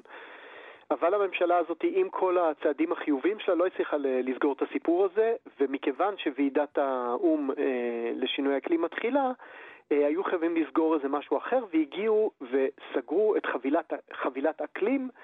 היא נקראת כך כי יש לה 100 אה, צעדים בתחומים רוחביים אה, של משרדי, ראש, של משרדי הממשלה, והתקציבים שלהם, התקציב יעמוד על 15.5 מיליארד ש"ח בתקציב המדינה הקרוב. זה כמובן מעולה, אבל בכל זאת יש הרבה ביקורת כלפי הממשלה ומובילי התוכנית. אה, על מה בעצם הביקורת הזאת? כי חלק מהתוכניות שאושרו השבוע כבר הוכרזו ואושרו בעבר, והתוכנית הממשל... הממשלתית אה, התפרסמה רק כמה ימים אה, לפני פרסום דוח מבקר המדינה החמור בנושא, להתמודדות, בנושא התמודדות המדינה עם מעבר לאנרגיה מתחדשת והסתגלות למשבר האקלים, ואני חושב שלזה, לדוח הזה, נקדיש אולי פינה מיוחדת. אוקיי. Okay. בכל זאת, מה יש בתוך חבילת האקלים הזאת, כי צריך לתת פה גם נקודות חיוביות לסיפור הזה. התוכנית הזאת אמורה להוביל את ישראל לעידן דל פחמן. היא כוללת החלטות בתחומי האנרגיה, התחבורה, החדשנות, פיננסים, החינוך והיערכות למשבר אקלים, וזו תוכנית פעולה לאומית ומקיפה, אה, ואני אתן פה כמה נקודות שהיא נגעה בהן, שהיא נוגעת בהן, זו תוכנית כמובן ארוכה, כמו שאמרתי, 100 צעדים. אה, הפחתת שימוש בדלקים מזהמים ומעבר לאנרגיה נקייה, יש פה הקצאה של 725 מיליון שקלים להתייעלות באנרגיה, מיפוי פוטנציאל אנרגיה סולארית והשקעות של מיליונים בתוכניות לאנרגיה מקיימת ברשויות מקומיות. אם אתה תשמע את כל הנושאים האלה, אתה תראה שאפשר היה להגיד אותם, והיה טוב אם היינו אומרים אותם גם לפני עשור, ומתקצבים אותם, אני אגיד אז, את זה פעם אחת. כן. אז מה, אתה צודק, לא דברים שנשמעים אה, חדשים. שמענו על הדברים האלה, עכשיו זה יקרה סוף סוף? כן, זאת אומרת, ייתנו את הדגש על הדברים האלה? יש לזה תקציב, תוכנית יישום לתחבורה נקייה, אסטרטגיית פסולת מתקדמת, תמיכה בהקמת מפרדים להפרדה במקור ומחזור, ועוד פעם, אנחנו, זה דברים שהיו אמורים לקרות כבר לפני 20 ו-30 שנה, אה, וישראל מאוד מאוד מפגרת בדבר הזה, אבל אה, אוקיי, יש ממשלה חדשה יחסית, אה, שמובילה קו מאוד מאוד חדש וממש לא פסיבי בסיפור הזה, וצריך גם לתמוך בזה. עוד דבר שאנחנו מדברים עליו פה הרבה בפינות שלנו, כל הנושא של חדשנות בנושא אקלים וסביבה. ופה הממשלה הולכת לדחוף בסיפור הזה, ל, ל, יש תוכנית לעידוד פעולות מחקר ופיתוח של טכנולוגיות למאבק בשינוי אקלים, אה, גם על זה צריך שווה להקדיש פינה אה, מיוחדת, ויש פה בעצם תמיכה אה, רחבה בכל, החבר... בכל נושא של חברות סטארט-אפ, בקידום של יזמות בתוך חברות ישראליות, שת"פים עם רגולטורים פיננסיים, ובעצם אה, להוביל את ישראל להיות אה, אה, מדינה שמובילה חדשנות אקלימית במקום מדינה שנגררת אחרי פתרונות בכל המקומות בעולם. יש התחדשות עירונית והחלת תקן בנייה ירוקה על כלל המבנים החדשים בישראל. פרט מאוד חשוב, שמירה על כל המערכות הטבעיות, תמיכה בשיקום נחלים, סיכוני שיטפונות והצפות, מניעת שרפות יער וכולי, גם לזה זה יהיה מתוקצב, וחינוך למשבר האקלים, לא עוד אה, נישתי, אלא גיבוש תוכניות של שיעורים רב-תחומיים בנושא אקלים בכלל מערכות החינוך, הכשרה בתנועות וארגוני נוער חשוב מאוד, קורסים בנושא משבר אקלים בפקולטו במוסדות השכלה הגבוהה בתור חובה ולא עוד איזה זכות. אה, ואולי עניין אחרון מכלל הרשימה הזאת שאני אציג, מערכות מזון מקיימות התאמת מערכות המזון לשינויי האקלים, קידום מערכות מזון בנות uh, קיימא והפחתת צריכת חלבון מן החי, תוך שיפור uh, תנאי גידול בעלי החיים. טוב, uh, אנחנו מקווים באמת שהדברים uh, יתממשו. Uh, אנחנו נעצור כאן ברשותך, תודה רבה לך, המעצב יאיר אנגל, מנכ"ל קיימא, מרכז לתכנון ועיצוב מקיים, תודה. תודה רבה לך ובהצלחה לכולנו.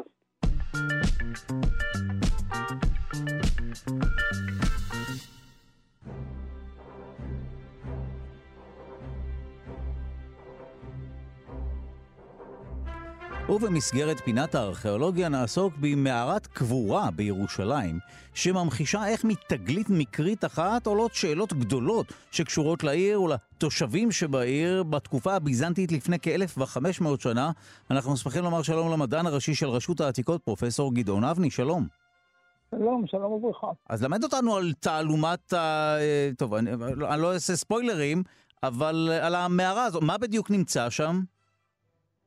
אה, טוב, אז קודם כל זה תהליך אה, כמעט שגרתי. אתה יודע, הבן אדם רוצה להרחיב את ביתו, אז הוא פונה לרשויות, מגיש תוכנית, שוכר קבלן, מתחיל לעבוד. ירושלים זה לא מקום רגיל, אנחנו יודעים את זה מבחינת הארכיאולוגיה. אה, ובאותו בית, באותו מקרה, כבר לפני שנים, התחילו לעבוד, וממש מתחת לרצפה של הסלון של אותו בית גילו משטח סלע עם פתח. אה, בעל הבית והקבלן אה, היו אה, מספיק בעלי מודעות, קראו לרשות העתיקות. הגיעו הארכיאולוגים, עשו חפירת הצלה במקום. דרך אגב, גם זה לא דבר נדיר, יש לנו משהו כמו 300 חפירות כאלה בשנה. ובתוך הפתח הזה מצאו מערת קבורה שייכת למשפחה ירושלמית.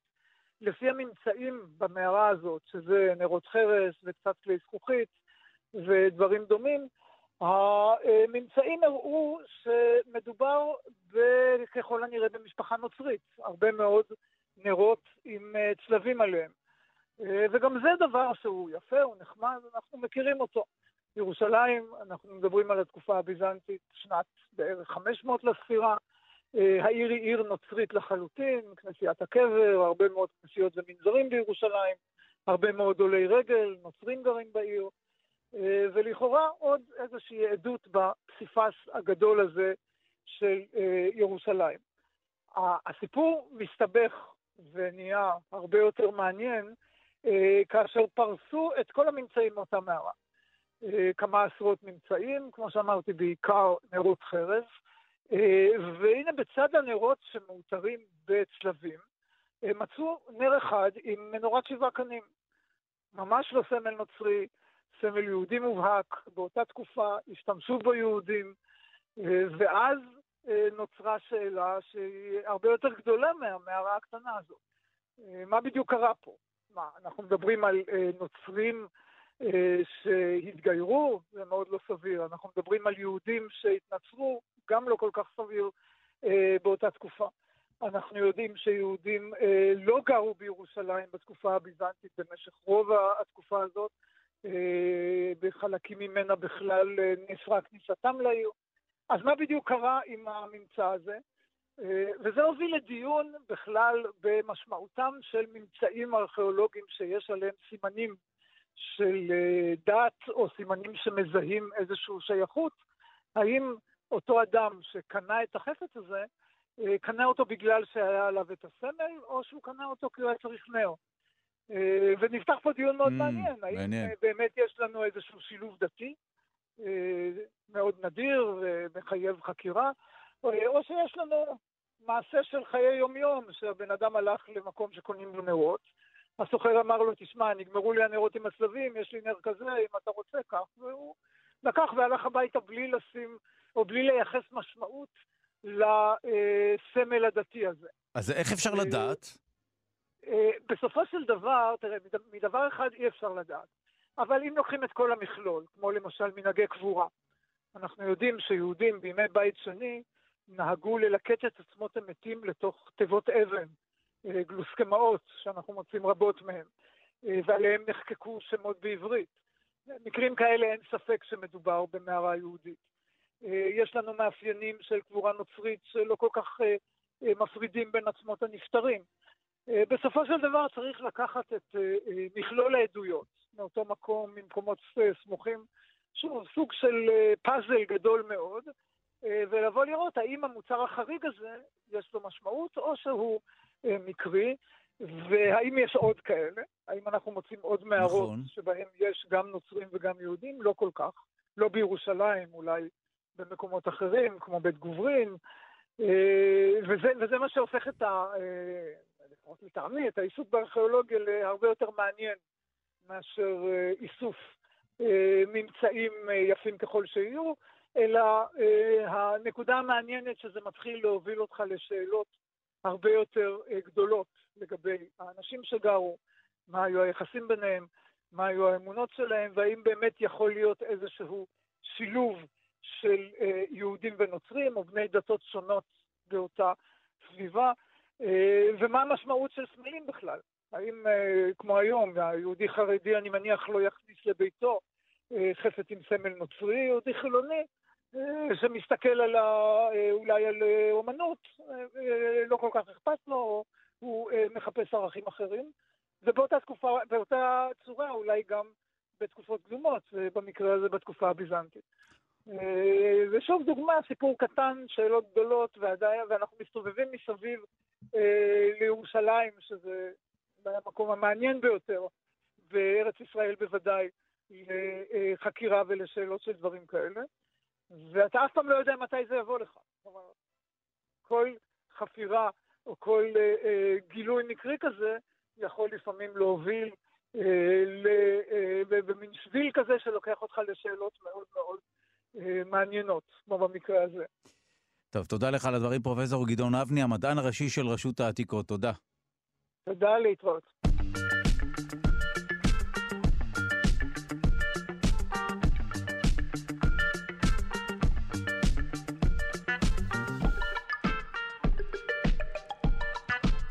אנחנו סיימנו את התוכנית להיום, נספר לכם מי עמל על המשדר. העורך שלנו הוא רז חסון, המפיקה היא אלכסנדר לויקר. על הביצוע הטכני, די.ג'י אלון מקלר, תודה רבה ליגאל שפירא שמלווה אותנו. אתם ואתן מוזמנים ומוזמנות להצטרף לקהילה הרשמית של שלושה שיודעים בפייסבוק, כאן שלושה שיודעים. נזכיר שאפשר להאזין לשלושה שיודעים גם כהסכת בכל זמן ובכל מקום באמצעות היישומון של כאן. גם באמצעות ספוטיפיי, אפל וגוגל, שיהיה לכם יום נעים ושקט. שמרו על עצמכם, הקפידו על עטיית מסכות, גשו להתחסן מחר, תוכנית סיכום שבוע חגיגית. להתראות.